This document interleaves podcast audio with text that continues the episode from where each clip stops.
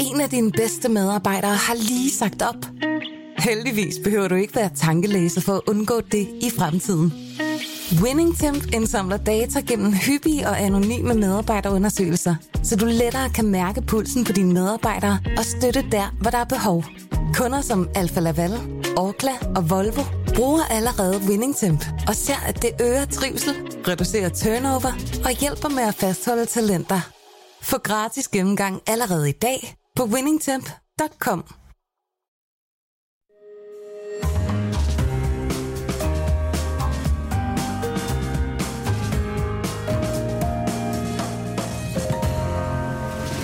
Du lytter til Cordua og Steno. En berlingske podcast med Jarl Cordua og Torben Steno.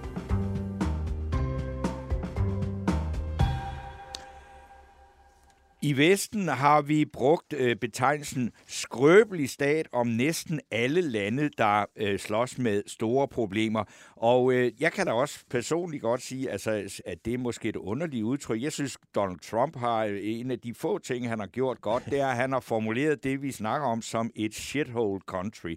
Men øh, det er jo så ikke nogen Det er meget politisk ukorrekt. Ja, men man ved ligesom, hvad det er, det handler om. Ja, det er rigtigt. Men øh, hvem er det, der har givet Vesten lov til at bruge øh, det det her udtryk skrøbelig stat, og kan begrebet egentlig bruges til at gøre os klogere? To forskere på Dansk Institut for Internationale Studier, også kaldet DIS, øh, de vil tage et opgør med begrebet skrøbelig stat, og øh, vi taler med en af dem, nemlig seniorforsker Maria Louise Clausen, til sidst i denne her anden time. Velkommen, mit navn er Torben Steno. Og jeg hedder Jarl Cordova. Og vi er ikke i mål med ugen for dusbamse. Vi har to kandidater øh, hidtil. Øh, øh, fotografen Lars øh, hedder han, øh, Jan. Grarup hedder han, og øh, Tibet-aktivist øh, Højmark Andersen. Jeg glemte fornavnet. Øh, Ja, men det kan vi lige finde her. Men det er lige meget. Jeg tror, han hedder Anders. Anders, jeg, jeg gik faktisk i klasse med hans, øh, hans, øh, hans, øh, Ja, hans så får han bror bamsen. på Bornholm, men det er ja. en anden snak. Øh, nå, og, øh, I kan nemlig skrive, I kan, men øh, vi hører gerne fra, I kan skrive til os på vores Facebook-side, Kort og Steno, og I kan også øh, kommentere og stille spørgsmål.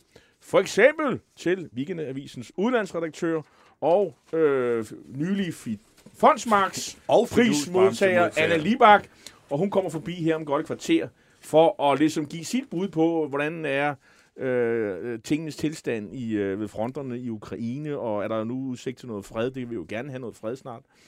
Torben? Ja, og vi lægger ud nu med et kolossalt stort øh, problem her i vores øh, enormt dyre velfærdsstat, som vi jo også skal snakke om, selvom der er krig i Ukraine.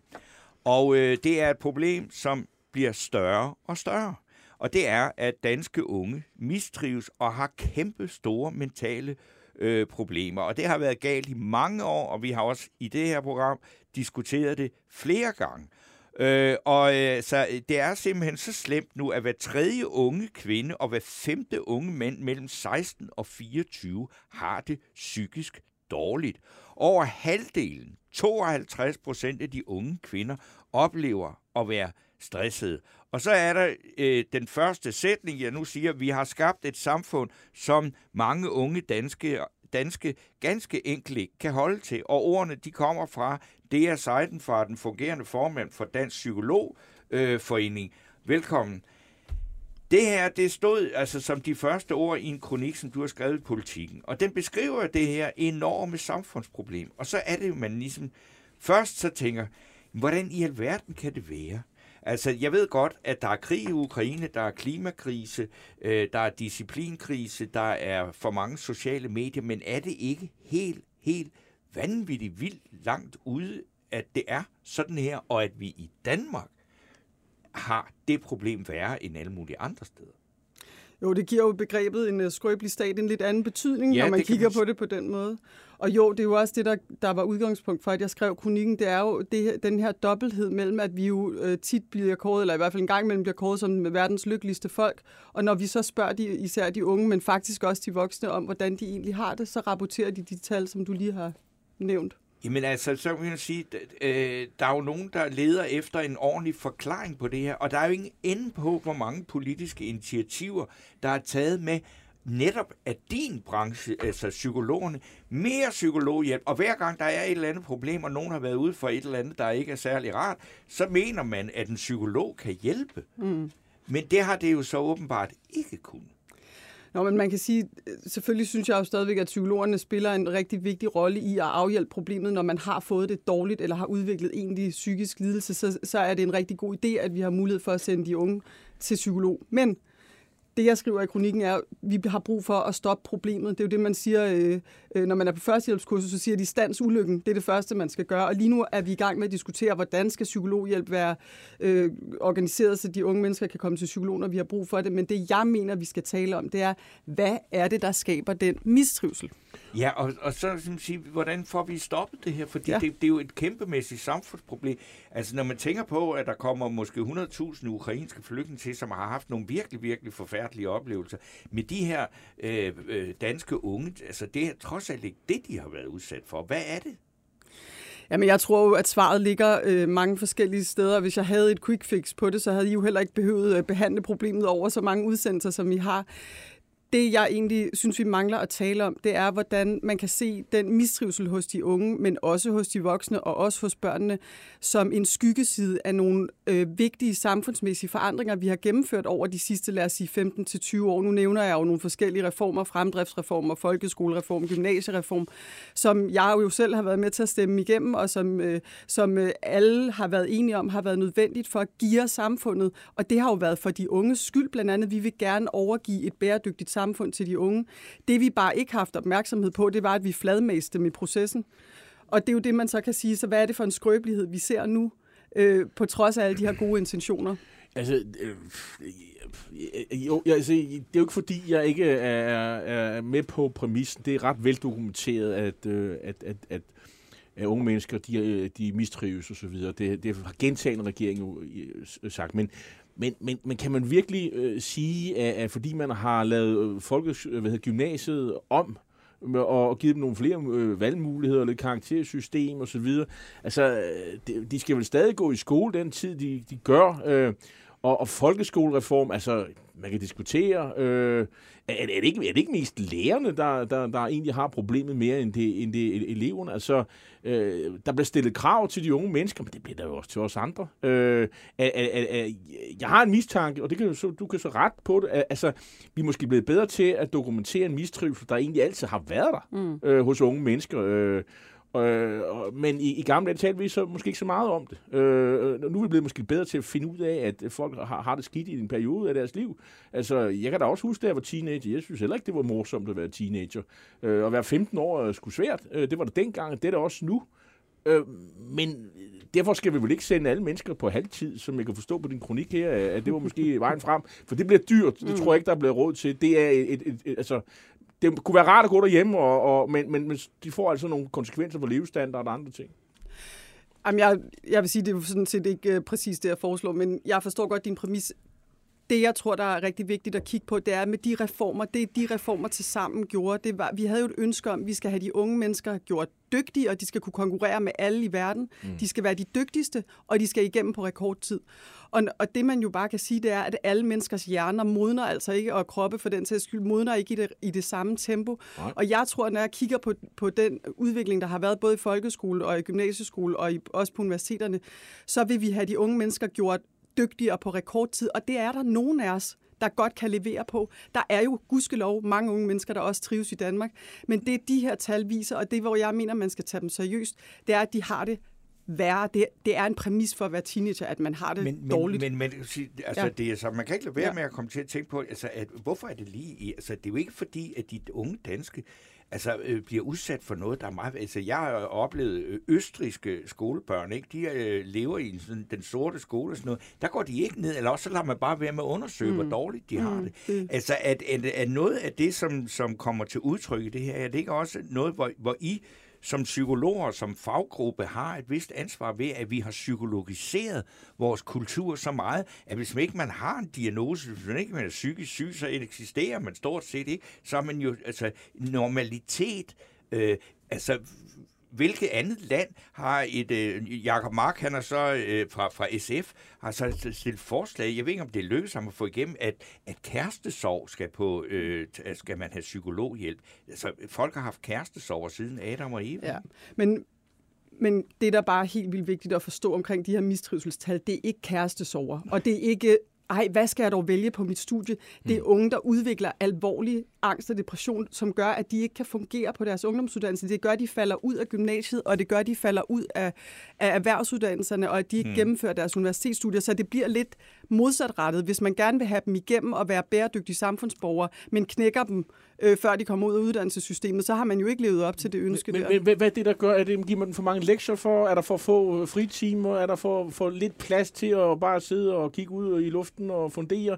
Øh, eller, eller er vi som voksne for, for, for slemme til at komme med alle mulige krav? Hvis ikke du præsterer i mm. skolen, mm. så, så kommer du til ind i rendestenen, mm. og, det, og det, kan vi, det kan vi altså ikke leve med, os der bor i Gentofte. Mm. Øh, altså, hører du, hvad? altså, nu kender jeg jo ikke øh, dit CV udenad, men, men jeg gør det, altså, jeg, hvis jeg bare kigger på mig selv, så har min vej til at sidde her absolut ikke været linær. Og dengang, jeg jo øh, blev student i 98, så derefter, der var der da noget tid, hvor jeg godt kunne, øh, hvor der var nogle år, hvor jeg prøvede at finde ud af, hvad jeg skulle her i livet. Fjormået rundt, som det Præcis. Jeg har fjormået utrolig meget rundt. Det gjorde jeg både også før og efter der. Og det gør jo ikke, at man ikke kan blive en produktiv samfundsborger bagefter, men hvis vi fratager de unge mulighederne for at øh, nogle gange holde pauser, nogle gange sætte tempoet lidt ned, så er det, at vi skaber den her mistrivsel, der faktisk er på linje med netop øh, øh, folk, der har været udsat for større belastninger. Og det er jo værd at tage seriøst. Hvis man kigger på pensum i gymnasiet nu, så er det jo på et helt andet niveau. Hvis I, hvis I kiggede på det pensum, de unge mennesker skal gennemgå for at bestå en studentereksamen nu, sammenlignet med, i hvert fald da jeg gik i gymnasiet, eller det pensum, man skal kunne for at bestå 9. klasse, så er det fuldstændig anderledes, end det var, da ja, det er dårligt, er det ikke?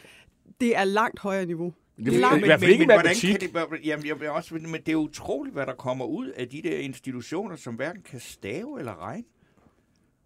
Og du siger, at Men det, det er jeg simpelthen ikke enig i. Du, altså, jamen, jeg synes, det er, jo, det er jo ret vildt, altså, at, at man har i hvert fald, øh, øh, altså det er sådan en anden diskussion, men altså, at man har ændret det pædagogiske sigte i så mange år, at det der sådan lidt håndfaste færdigheder, det er gået tabt mm. til fordel for noget grimt. Men det skal vi ikke øh, ind på, for så, så bliver vi aldrig færdige. Men, men jeg, øh, det er ikke alle vores lytter, derfor, der ved det, men jeg prøver lige at forklare det. Line Knudsen, dramatikeren, har for nylig lavet en meget, meget interessant øh, podcast, en lille ting, øh, sammen med desværre nu afdøde kat, Iben. Ped Iben Benedikt Valentin Jensen, øh, hvor de jo, altså, der hedder Søborg-gruppen, som handler om, at der er en gruppe psykologer ude i Søborg i en gang i 70'erne, som er blevet nyuddannet, og der er ikke rigtig nogen, øh, de har ikke noget udsigt til at få noget arbejde, og derfor beslutter de sig for at gennempsykologisere hele samfundet, sådan så at de kan komme til og øh, øh, få noget arbejde. Og er det ikke, altså, er, er, der, er der ikke en pointe i det, at vi har, at, at I også har et enormt medansvar for, at det her er kommet derhen, at vi har fået den her en individualisering og en selvoptagelse, der er øh, helt grotesk, og derfor er der ikke noget, der hedder bare at tage dig sammen og, og så lev med det. Mm. Det er en helt fantastisk podcast. Øh, som jeg jo også synes er tankevækkende, det, det jeg egentlig sidder her med som budskaber, som også står i den kronik, det er jo, at, at psykologerne er ikke svaret på det her problem vi skal jo bruge, jeg, det er jo rigtigt, der er en kæmpe opmærksomhed på psykologisering eller på psykologi, og mange mennesker interesserer sig for det og for selvudvikling og så videre. Det er ikke det, der er problemet her.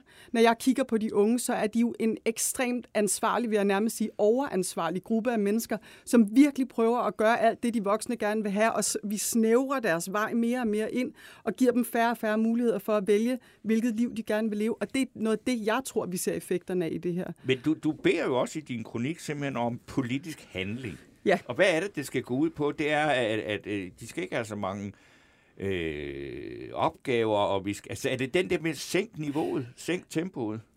Jo, men og hvis der bare var en stor knap herover, hvor man kunne sige, at vi skruer lige på tempoet, så ja, så tror jeg faktisk, det vil være en del af det, men alle vi voksne sidder jo sådan set i samme saks. Det jeg egentlig mener, det er, hvis vi bruger så meget krudt, som vi gør på at have et velfungerende økonomisk, men også trivselsfremmende samfund, hvis det er det samfund, vi gerne alle sammen vil give videre til vores børn. Jeg bliver helt så forskrækket, vi... når jeg hører om et trivselsfremmende samfund. Vi skal, nå frem til, vi skal nå frem til nogle af de der øh, forslag. Et, hvis vi gerne vil give et samfund videre til vores børn, som både er økonomisk bæredygtigt, men hvor man faktisk også kan trives som menneske, kan have et godt liv. Hvis det er det, der er pointen, så har vi jo så har vi et problem, når vi kigger på de her tal.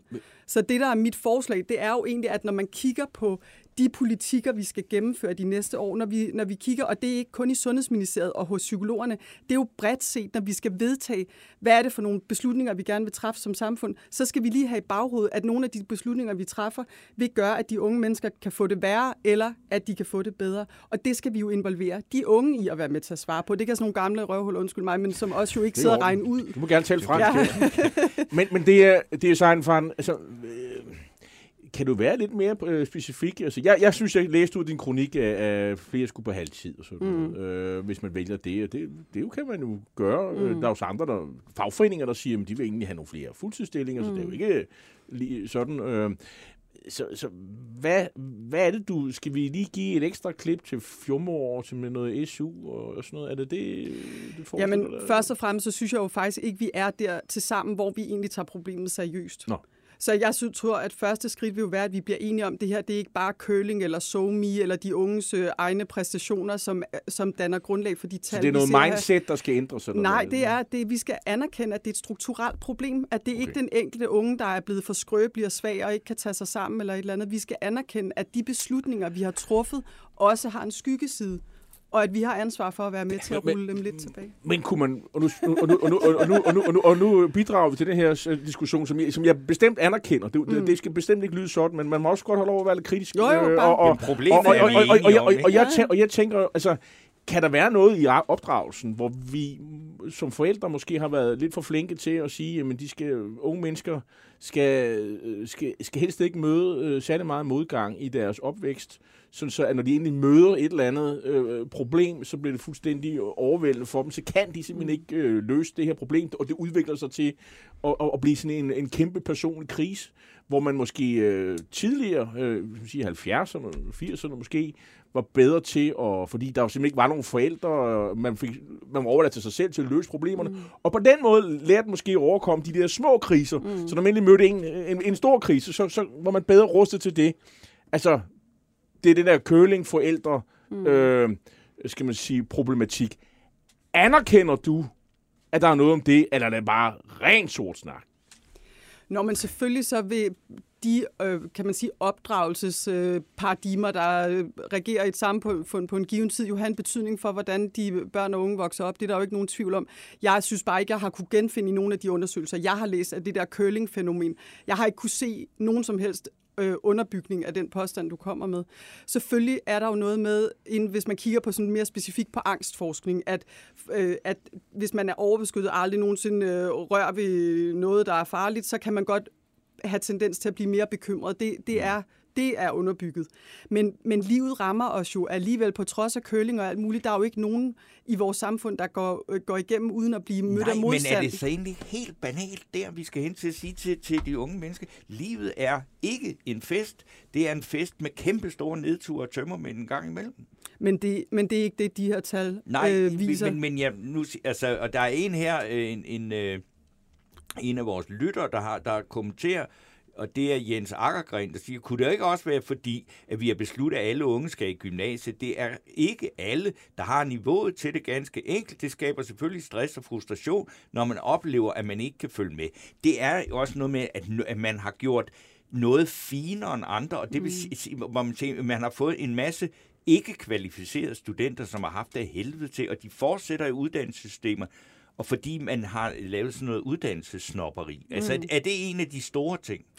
Men det er jo lige præcis et eksempel på noget af det, jeg mener er nogle strukturelle beslutninger, det... vi har truffet i den bedste mening, og som vi skal kigge på, hvad effekten er af.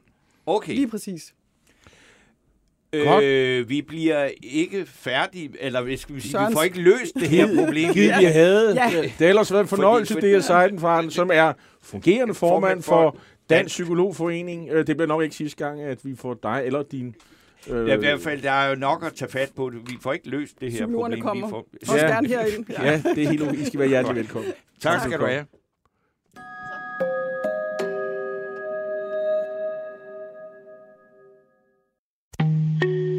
En af dine bedste medarbejdere har lige sagt op. Heldigvis behøver du ikke være tankelæser for at undgå det i fremtiden. WinningTemp indsamler data gennem hyppige og anonyme medarbejderundersøgelser, så du lettere kan mærke pulsen på dine medarbejdere og støtte der, hvor der er behov. Kunder som Alfa Laval, Orkla og Volvo bruger allerede WinningTemp og ser, at det øger trivsel, reducerer turnover og hjælper med at fastholde talenter. Få gratis gennemgang allerede i dag på winningtemp.com.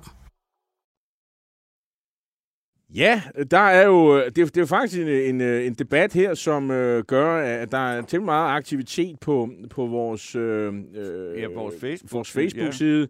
Ja. Øh, Ola Overgaard Nielsen, en af vores faste lytter, han skriver, Danske unge har verdens højeste SU, og så vidt jeg ved, verdens højeste kandidatalder, så der må være andre forklaringer. Ja. Øhm, ja, øh, og Annie Hedegaard mener, at problemet tales hysterisk op.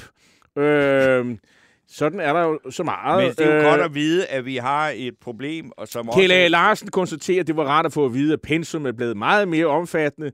Nu kan jeg se lyst på fremtiden for nationen.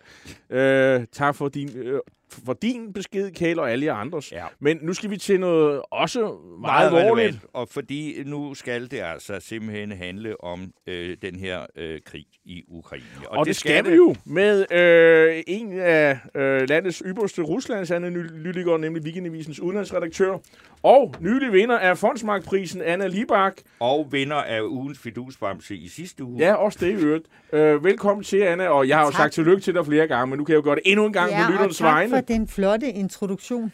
Nå, men øh, vi, øh, vi, jeg vil ikke sige, at vi har tabt helt overblikket over, over alt det, der sker i Ukraine. Der sker rigtig meget. Zelensky har talt til Folketinget her i tirsdags.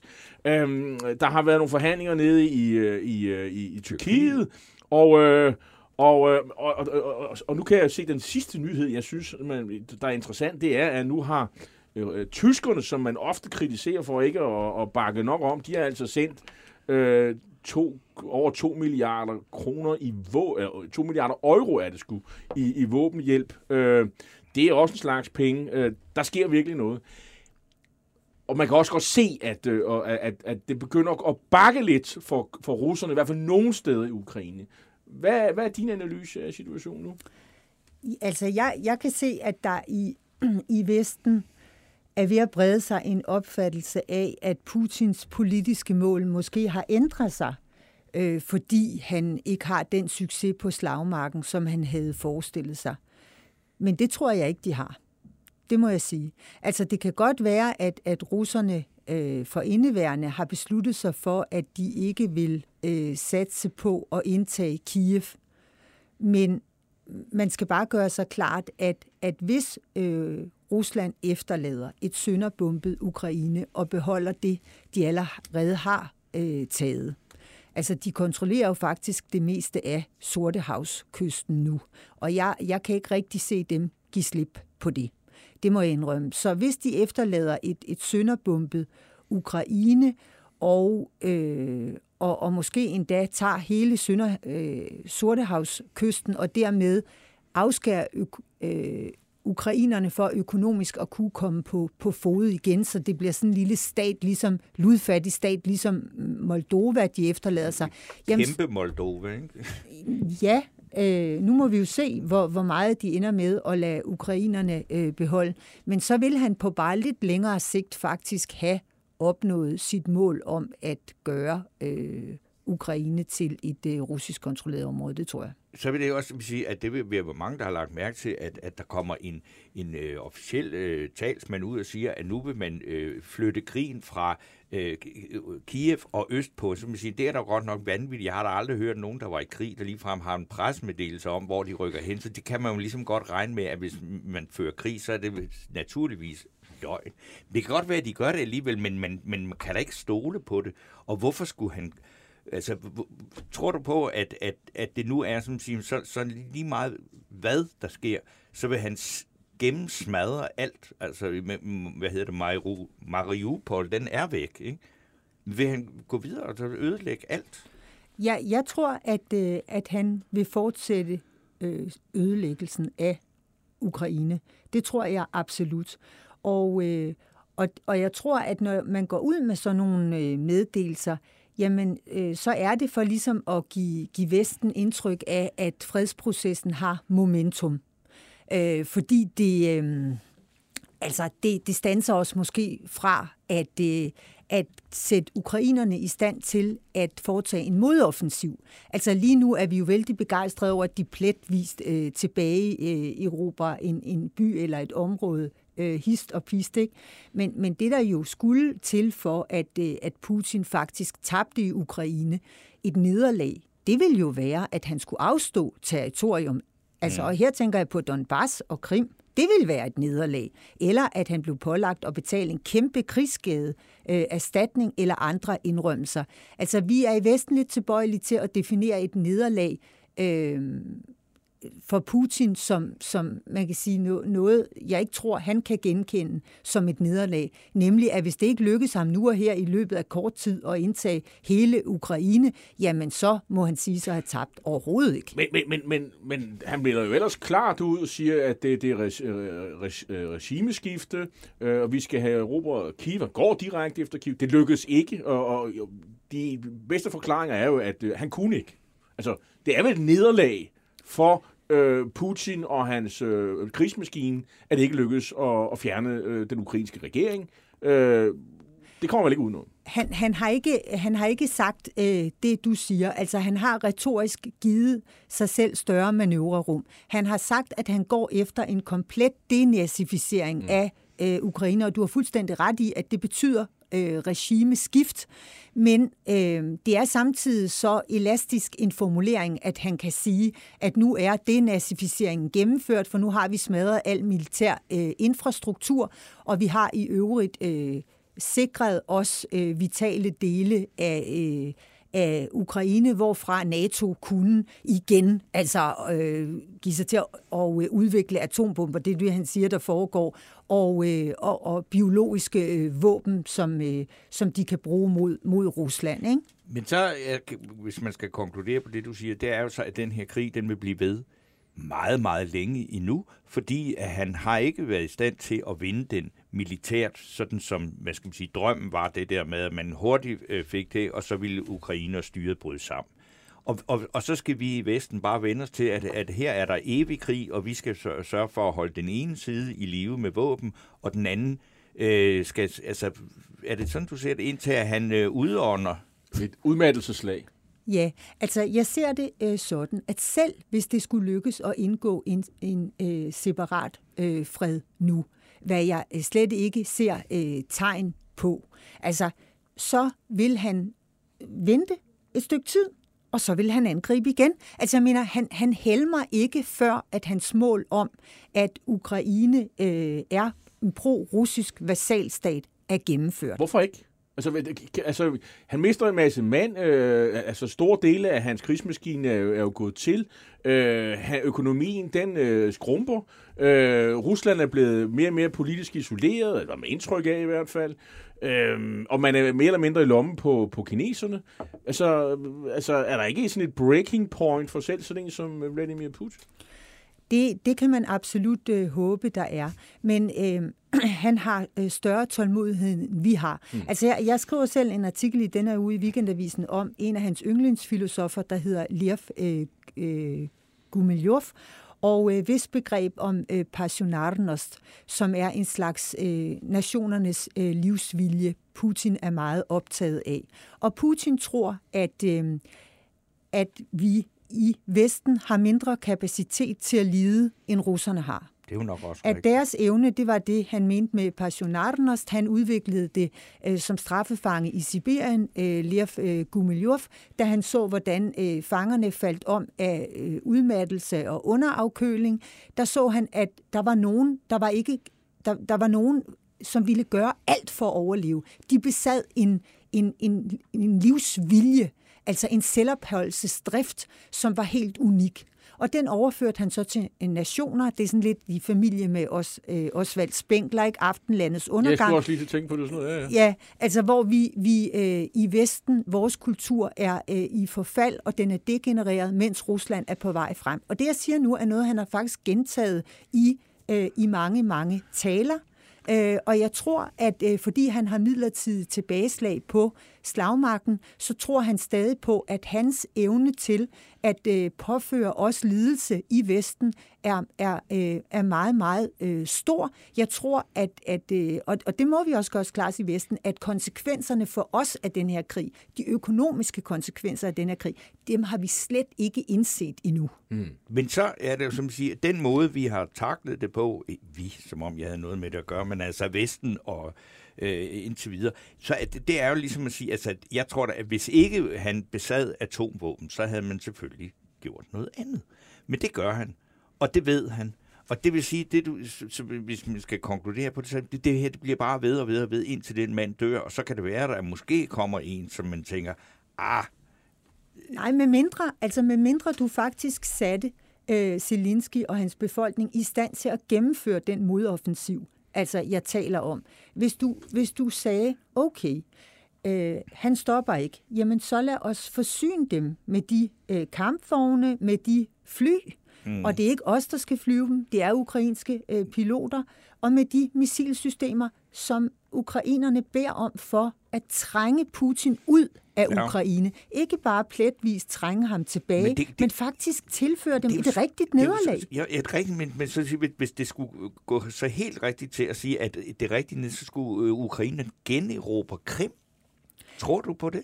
Nej, men jeg tror, at de kunne generobre øh, områder i øst.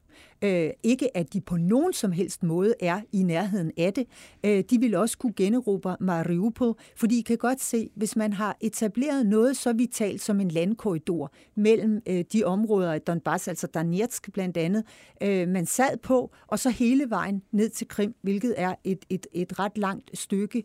Øh, jamen altså, hvis, hvis, hvis man har det, så giver man det da ikke op. Hvad er det, der får os til at forestille os, at de fredsforhandlinger, der pågår nu, de vil ende med, at Rusland så siger, okay, Ukraine har erklæret sig øh, neutralt, at, øh, at de ikke vil tage imod, øh, ikke have øh, baser, udenlandske øh, baser i, i landet. Øhm, og Ukraine har, gennem, har anerkendt Krim og Donbass som russisk. Det beder de jo også om. Lad os nu sige, at ukrainerne gjorde det. Forestiller man sig så, at russerne vil give den landkorridor op? Ja, det gør jeg sandelig ikke. Nej. Altså, Nej, og, og, ved du hvad, der er et spørgsmål her, som en uh, Michael Amstrup Nielsen være. Han spørger, kan man ikke få Anna Libak til at uddybe sin analyse omkring, at man, står der så i anførselstegn, burde indtage Kaliningrad og udstationere nukleare våben i de baltiske lande? Det virker for mig som en anelse bekymrende analyse fra en af landets fremmeste øh, analytikere af Rusland. Øh, jeg har ikke hørt dig sige det her. Nej, er og det, det, har jeg heller ikke sagt. Ja, nej, det har jeg heller ikke sagt. Det jeg sagde, det var, at hvis vi tænkte ligesom Putin. Så det, man, hvis man skulle opføre sig ligesom Putin, ja. så skulle man invadere Kaliningrad mm. og sige, vi har ikke invaderet det gamle Østpreussen, fordi vi mener, at man med militær magt skal kunne inddrage andres territorium. Vi har invaderet det for at bytte. Hvis russerne siger, at Donbass er russisk, så siger vi, at Østpreussen det er vores. Der spacerede Immanuel, Immanuel Kant rundt. Han kom aldrig andre steder end Kaliningrad. Han er simpelthen øh, fundamentet for vores fi- øh, filosofiske tradition her i Vesten. Kaliningrad er meget mere vestligt. Altså, så vil... Du, du køber ind på, hvad skal man sige, Putins tankegang, og, og det er det, du gør, ikke? Jeg siger, at hvis du skal vinde over ham, skal du føre øh, krigen ind i fjendens lejr. Mm. Det kunne også være i Syrien. Det kunne også være i Syrien. Hvis russerne er så hårdt presset i Ukraine nu, hvorfor så ikke stresse dem på andre fronter? Man skal huske, at, at, øh, at, at Putin tænker i at stresse os på mange niveauer. Mm. Nu hører vi, at øh, Alexander Lukashenko begynder igen at øh, eksportere, ja, eksportere øh, flygtninge fra Mellemøsten til den polske grænse, og man forstår ham jo godt, for polakkerne har åbnet deres grænser, mm. fordi der kom ukrainere. Og jeg tror, at vi vil se en øget tilstrømning af folk fra, fra Mellemøsten. Altså det, som Putin gør, det er, at han hele tiden søger at opretholde presset på os. Og vi forsøger hele tiden at reagere adekvat på hans seneste handlinger. Men jeg tror, at på et eller andet tidspunkt, så bliver altså de omkostninger af det for os så store, at jeg håber, man vil begynde at tænke i, vi skal stresse den mand på forskellige fronter. Og det gør man vel også så småt ved at sende NATO-tropper afsted og så videre. Der kommer flere og flere ting, og det, det er jo altså mange begge små, 800 danskere til Letland. Øh, nu sagde jeg godt nok før, at tyskerne de sender våben øh, og for, for 2 milliarder euro. Det er 300 millioner euro, men det bliver til 2,2 en kvart øh, milliard danske kroner. Det er også en slags penge. Så det er jo ikke fordi, at ukrainerne ikke får øh, penge, våben og støtte. De skal så selv udkæmpe krigen. Nu vel, men det virker også som om, der er sådan rigeligt med våbenfører mænd, der er topmotiveret til at kæmpe, udkæmpe den her krig. Øh, og, og russerne er vel et eller andet sted stanset. Altså, det kommer man vel ikke udenom. Altså stanset hvor? Ja, i, i, altså deres fremgang, frem, deres fremgang på slagmarken er jo stanset. Altså, vi snakker om Mariupol, der blev, det, det falder på et eller andet tidspunkt, men ellers er det vel stanset. Nej, altså i det, øh, i det øh, sydøstlige øh, Ukraine, der er de ikke øh, trængt for alvor tilbage. Altså der er øh, kortet blevet farvet øh, gradvist mere rødt. Mm. Og øh, det er klart, at hvis ukrainerne de kunne genindtage Mariupol, hvilket der overhovedet ikke er nogen som helst øh, sandsynlighed for øh, på nuværende tidspunkt, så ville det være afgørende, fordi de kunne, få, de kunne, de kunne forhindre den, øh, den øh, øh, landkorridor. Men, men, men nej, det er heller ikke det, russerne siger. De siger, at de vil koncentrere sig om andre dele af Ukraine. Det er ikke nødvendigvis sandt, men de vil koncentrere sig om andre dele af øh, Ukraine. Jeg tror, Mykolaiv, hvis man kigger på et kort, og Odessa, det tror jeg, at forventer jeg, at det er det, øh, de øh, vil, vil forsøge at indtage over de kommende måneder. Det er så øh, den by, som øh, Zelensky jo simpelthen pegede på, som vi danskere. Der blev man jo et meget kort øjeblik meget glad, for han begyndte at snakke om freden, som om, at det var noget, der var inden for rækkevidde. Og så var vi allerede ved at se, hvordan danske virksomheder og alt, hvad der er så god stemme, når man skal bygge den by, og vi kan godt glemme alt om det der forløb. Det tror jeg, ja. Mener du, at øh, vi på et tidspunkt når til den situation, hvor vi, hvor vi simpelthen bliver nødt til at sige til dem, okay, I kan få de der polske kampfly? Det, øh, det, det øh, vil jeg ønske, vi allerede gjorde nu. Mm. Altså, det vil jeg sådan set øh, ønske, fordi det der jo, jo øh, altså, det, det er jo vores evne til at påføre Putins omkostninger, der vil, øh, der, der vil bestemme øh, udfaldet af det. Øh, og, og man kan sige, at vi har øh, iværksat nogle drakoniske sanktioner, og, øh, og det er der alt muligt grund til at være stolt af. Men samtidig så leverer vi jo stadig over øh, 1 milliard øh, dollar om dagen øh, som betaling for, øh, for, for gas og olie til Rusland. Og de bliver øh, straks konverteret til rubler. Og det, hold, det betyder, at rublens fald slet ikke har været så bræt, som vi egentlig havde regnet med. Samtidig, og det er jo den helt store ubekendte i det her, så har Putin jo ikke opgivet at øh, få øh, Kinas støtte. Altså, der har netop været et møde mellem den øh, kinesiske og den russiske udenrigsminister, og efterfølgende så har det kinesiske udenrigsministerium jo øh, Øh, meldt, meldt ud, at man vil styrke sit samarbejde øh, på en række områder. Og det er simpelthen utrolig øh, urovækkende, fordi det er, er øh, Kina, som har meget stor betydning for, øh, hvordan det går med russisk økonomi. Et, et, et spørgsmål fra en af lytterne til Simon Nielsen Ørgaard, der, der, der skriver spørgsmål til Anna Libak. Hvad med at isolere Rusland yderligere diplomatisk? Flere lande har hjemsendt russiske diplomater. Er det den rigtige vej at gå? Jeg tænker også på uh, Jeppe Kofod har jo sådan spekuleret åbent om, at man kunne jo øh, sende den russiske... Altså, man, øh, uh, droppe de diplomatiske forbindelser til, til Moskva. Hvad, hvad, hvad vil du sige til det forslag? Nej, det vil jeg ikke uh, sige er godt, fordi at, uh, at vi bliver nødt til at have uh, kontakt med uh, russerne. Så, så, så uh, altså, uh, uden det bliver, bliver verden uh, om muligt endnu uh, farligere. Men jeg synes da, at det er oplagt og nedeskalere. Mm. Altså man kan spørge på, uh, på, på de uh, i Danmark for eksempel, tror jeg, der er rigtig, rigtig mange øh, på øh, både handels, øh, handelskonsulatet og øh, ambassaden, som arbejder. Ikke? Og der kan man sige, om, hvor, hvor mange skal, skal der være for, at... Øh, at Ja, vi har at, nogen at snakke med. Ja, Så vi kan sende FSB og GRU-agenterne hjem og sådan noget. det vil jeg foreslå. Ja. Det var da en god idé. Godt. Øh, tusind tak, fordi du kom og gjorde os øh, klogere og som regel også mere deprimeret. Øh, det var ikke det, meningen. Jamen, jamen, så det er jo, vi bliver jo nødt til at Slava høre, men Ukraine, det, der, er ikke meget håb i det, du siger. Det kommer til at blive grimt og langt. Og Anna og jeg er jo enige om, at man kan støtte den danske Ukraine-komité med et beløb øh, stadig. Det er jeg ikke uenig Absolut. i. Så det har, jeg har ikke så meget støtte med, men jeg har dog været der. Så øh, tusind tak, Anna Libak.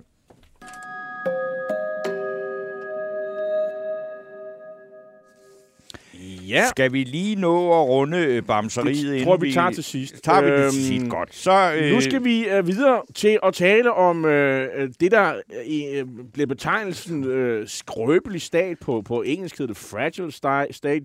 Der er også et udtryk, der hedder fail state. Uh, og så er der jo Donald Trump, som taler om shithole countries. Ja. Og man kan sige, det er jo, det er jo ikke nogen sådan, skal man sige, særlig charmerende betegnelse om de lande, der har kæmper med, med store problemer. Øh, og man kan også diskutere, hvem er det lige, der har fundet på alle de her begreber? Øh, det skulle ikke være Vesten og de rige ilande, der har gjort det. Jo, det, det er det. Og, men men hvad, kan man bruge det til noget, når man ligesom skal analysere de her lande? Det mener man ikke ude i DIS, øh, Dansk Institut for Internationale Studier. De vil tage et opgør med begrebet skrøbelig stat. Det er i hvert fald to forskere øh, herfra fra DIS.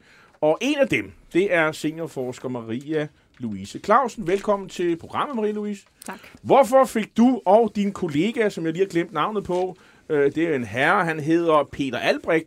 Hvorfor fik I til at skrive sådan et indlæg i Jyllandspost? Altså, jeg vil jo skynde mig at sige, at vi er jo ikke de første, der kritiserer de her begreber. Og det er jo også derfor, som du så meget øh, vel starter med at lægge ud, så har der været en udvikling i begreberne. Altså, vi faktisk startede med failed state, fejlslagende begreber. Så blev vi enige om, og når jeg siger vi, så er det jo sådan et, et internationalt samfund, eller hvad man nu vil kalde det, at det var ikke øh, hensigtsmæssigt. Så bevæger sig man så over mod fragile states. I mellemtiden en hel masse andre svage stater har også været oppe, ikke, som alternativ til skrøbelige stater. Så snakker vi nu om skrøbelige stater, vi snakker også om skrøbelige situationer. Altså alt det har været udtryk for, at man faktisk i årtier har været klar over, at der er en problemstilling med de her altomfavnende begreber, som vi gerne vil bruge til at forklare alle mulige slags problemstillinger i verden. Og et af, pro- et, et, galt? et, af problemerne er jo, at øh, stort set alle lande, øh, bortset fra måske lige i Vesten og Irland og Japan og sådan lidt, øh, de, de, de, de, de kan sådan falde ind under den der hat, der hedder skrøbelig stat. Det er sådan et af problemerne, kan man forstå. Altså, når, når vi snakker som forskere, så vil vi jo gerne have begreber, som er analytisk klare. Altså med det mener jeg begreber, som rent faktisk har en forklaringskraft. Sådan, at når jeg fortæller dig, at det her det er en skrøbelig stat, så giver det dig et billede af, hvad det er for nogle udviklingsmæssige problemstillinger, jeg, jeg taler om. Men, men findes de her nye begreber? Er, der, er det sådan ligesom, øh, hvad hedder det, altså, at vi får sådan en woke-dagsorden, og så, så må vi ikke længere kalde Somalia for en failed state? Nej, altså, altså det, det, der er vores pointe i virkeligheden her, er, at det her, at vores argument er ikke et, et politisk korrekthedsargument. Vores argument er, at hvis vi ikke har begreber, som rent faktisk kan forklare noget, som vi rent faktisk er enige om, hvad de forklarer, så er det meget vanskeligt for os at i talsætte, hvad det er for nogle udfordringer. Hvis vi ikke er enige om, hvad det er for nogle udfordringer, vi forsøger at påvirke, når vi for eksempel laver udviklingsbistand, altså når vi forsøger at påvirke verden hen mod at blive et bedre sted, om man vil, et mere demokratisk sted, et mere økonomisk udgledet sted. Hvis Det vi er jeg ikke med på, enige men jeg var lige, sådan et sted som Hvis vi Somalia, ikke er enige om hvad, det, hvad så, hvad det så, hedde? og vi skal lige høre, hvad hun siger. Hvis ikke vi er enige om det, hvad så? Jamen, så er det jo rigtig øh, problematisk og svært for os at lave nogle indsatser, som rent faktisk er målrettet de problemstillinger, som vi taler om. Fordi du har helt ret, det er klart.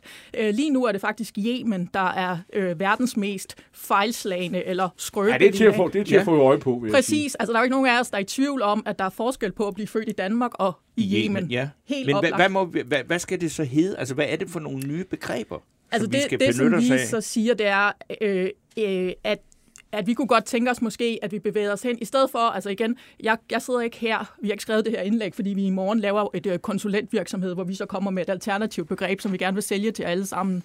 Vi sidder i virkeligheden med den her dagsorden og siger, at det vi har brug for, det er mere nuancerede begreber. Altså i stedet for at lave det her øh, hierarki af stater, af stater øh, øh, som du også sagde, så, så er det jo ikke bare øh, et begreb, der bliver slynget om med sig. Altså det er ikke bare noget, vi bruger.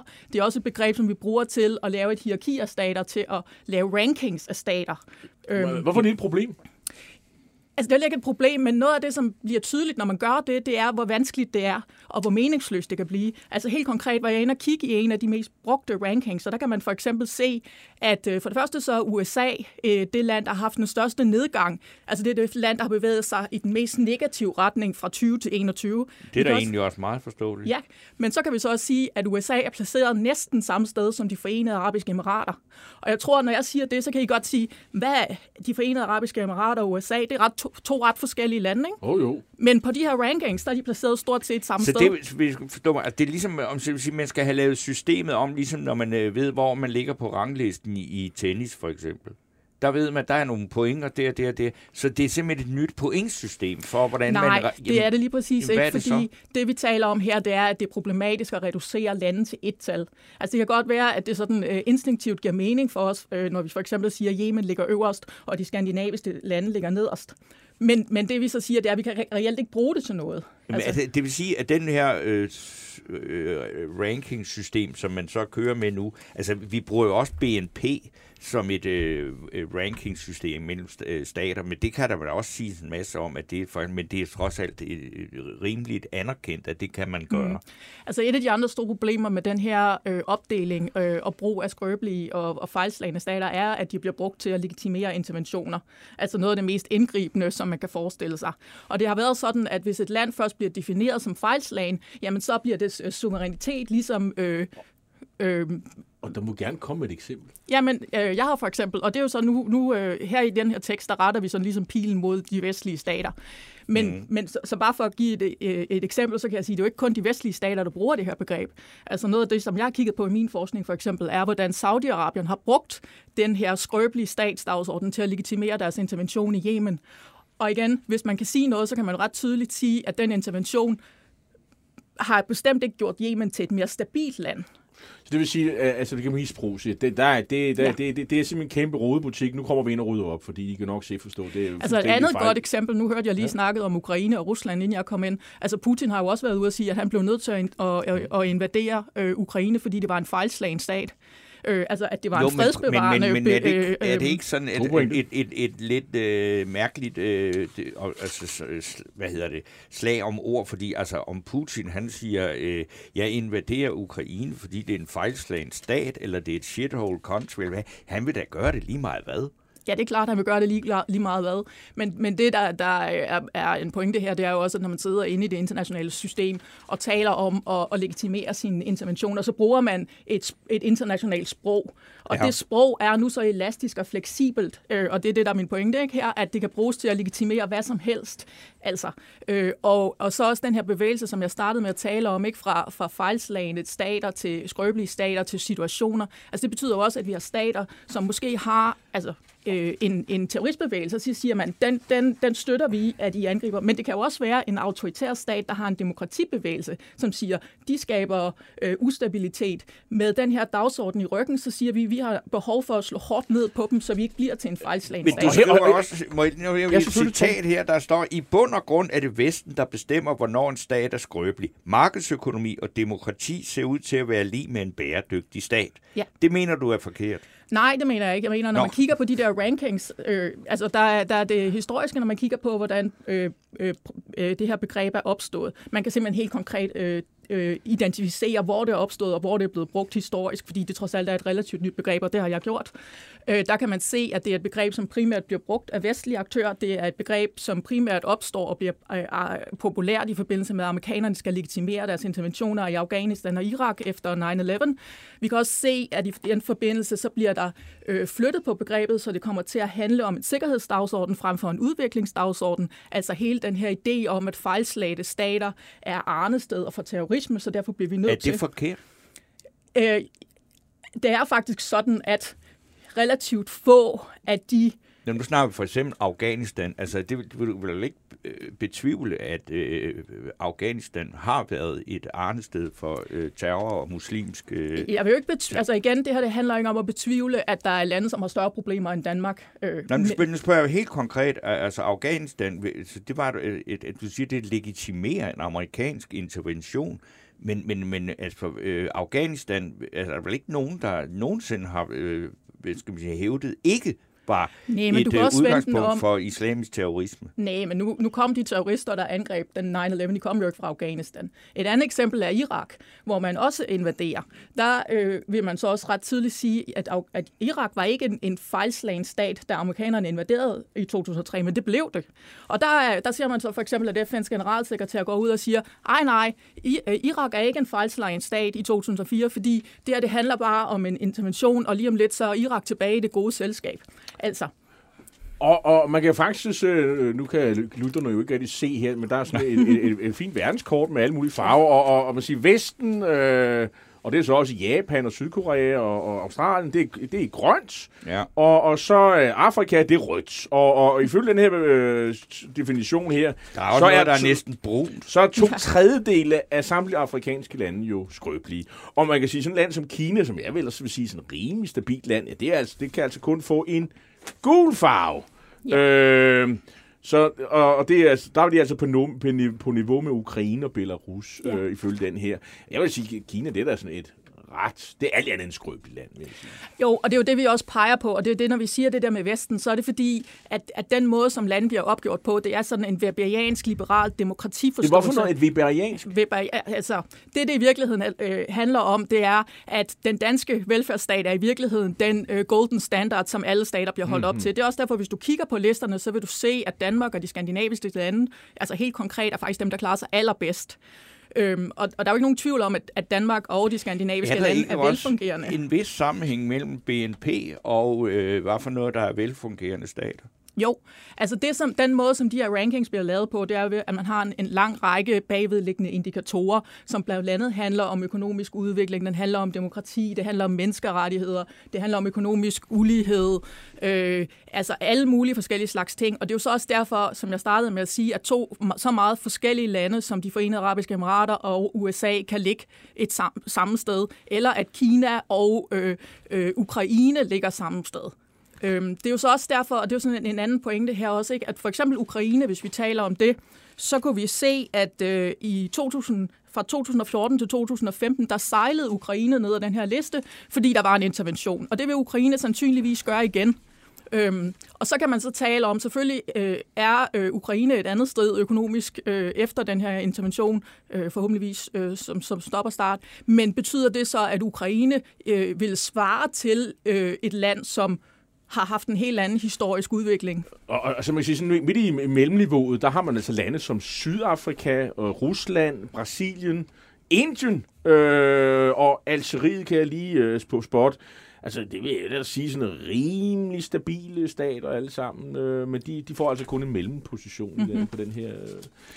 Jeg kan godt se, Det, det at er der er, spændende kort, det at her. der er måske ja. en, øh, en pointe til at, at, at opjustere betegnelsen. Det bliver vi så vente øh, i spænding på, hvad det øh, ender med. Men tak for at gøre os mere klog på det. Og jeg synes Øh, bare, lige, man skulle må lige nævne, at de absolute shithole countries Ja, på det her, countries. det er Og det er jo altså Syrien, ikke, det er altså ikke nogen officiel Nej, betegnelse. nej, det er noget, vi tager, men altså øh, Syrien, Yemen, Somalia, og så er der en her, det må være Afghanistan, Sydsudan, Afghanistan, ikke? Afghanistan naturligvis.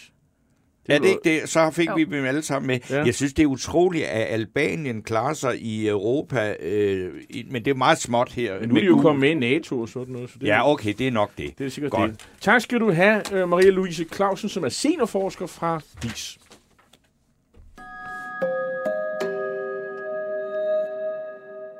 Ja, Torben. Øh, Så- Steno. Er det øh, afgørelsens time? Øh, der er Peter Bredal Pausen skriver, tror hun virkelig, at, og, hu- og hun, det er jo altså Marie-Louise Clausen, Ja, og hun kan ikke at, forsvare at, at nu. Putin ikke havde angrebet Ukraine, hvis ikke det blev kaldt en fejlslagen stat. Det var ikke det, hun sagde. Nej. Det var det altså ikke. Øh, så det, det var, Hun sagde faktisk det modsatte. Ja, det ville det- han nok det gøre lige meget, hvad vi det, kaldte det. Ja, faktisk. Så øh, her, Esben, Esben Holstein skriver, er det videnskab? Ja, det er vel at, at diskutere, angribe, kritisere begreber, som er vedtaget. Det er faktisk videnskab. Øh, det er sådan set den måde, vi bliver klogere øh, øh, egentlig. Øh, Annie Hedegaard synes, det er et pudsigt emne. Ja, det var det. Og vi skal også overraske i, i, øh, i det her program. Jeg vil sige Torben til, jeres lytter, eller til vores lytter, vi er utrolig glade for, at I lytter til os, og i disse meget vanskelige tider, så er det noget af det, vi faktisk prøver, det er at lave noget, som I ikke nødvendigvis hører alle mulige andre steder, fordi og det kan kan se vi på simpelthen ikke levere. C2 øh, News ja. og Deadline. Men uh, Torben, vi har jo to fremragende kandidater. Der er faktisk en af lytterne, som foreslog, kunne de ikke få en hver? Uh, Peter Sørensen mener også, at Anna Libak skulle have en bamse for analysen. Det kunne vi godt, men ja, nu, nu fik Anna altså bamsen i sidste uge, Ja. og, og jeg, jeg synes ikke rigtigt, vi, vi skal ligesom også ud over det i vores begejstring for Anna Libak, som er helt... Øh, Hun er i en Øh, klasse for sig, når det er drejer sig om de her øh, problematikker, men øh, jeg, det, det, det, det kommer ikke øh, i spil i denne her uge. Men jeg synes da, at øh, den lytter har en pointe med, at den anden mand øh, i Tibet, halløj, det, og det er jo sådan, at man kan godt, vi har faktisk andre gange uddelt en fidusbamse i to eksemplarer. ja. Øh, Og til der er to jo også personer, uger, hvor vi jo faktisk ikke øh, Ja, deler det er der nemlig det. Jeg er lidt på det hold, der siger, at, øh, at vi skulle dele fidusbamsen.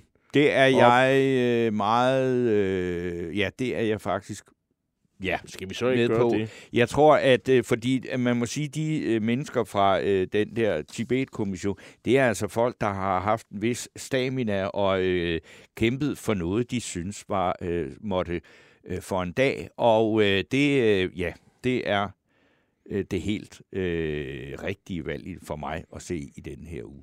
Fordi det er Det er politisk Hedegaard, som er en af vores faste lyttere, som skrev, kan de to kandidater få en halv bamse hver, de fortjener begge. De, kan, de, kan De få, får en hel. de får to hele. Vi, kan, vi, vi store i slaget, og så kan folk Ja. snakke om devaluering. Det Torben var vel Steno, det noget i den her uge. Ja, og tak til, fordi I lyttede med og er så trofaste. Vi er tilbage igen 10.05 i næste uge, og Vi har ikke andet nu end at sige tak til Alex Brøndbjerg, som øh, for første gang styrede knapperne øh, her, og det gik jo fint. Og øh, så skal vi også sige tak til Leo Louis øh, Feigenberg, som jo øh, var researcher og viste gæsterne ud og ind. Og med det, der er det bare at sige god weekend. Den starter i morgen og for os allerede i dag. En af dine bedste medarbejdere har lige sagt op. Heldigvis behøver du ikke være tankelæser for at undgå det i fremtiden. WinningTemp indsamler data gennem hyppige og anonyme medarbejderundersøgelser, så du lettere kan mærke pulsen på dine medarbejdere og støtte der, hvor der er behov. Kunder som Alfa Laval, Orkla og Volvo bruger allerede WinningTemp og ser, at det øger trivsel, reducerer turnover og hjælper med at fastholde talenter. Få gratis gennemgang allerede i dag på winningtemp.com.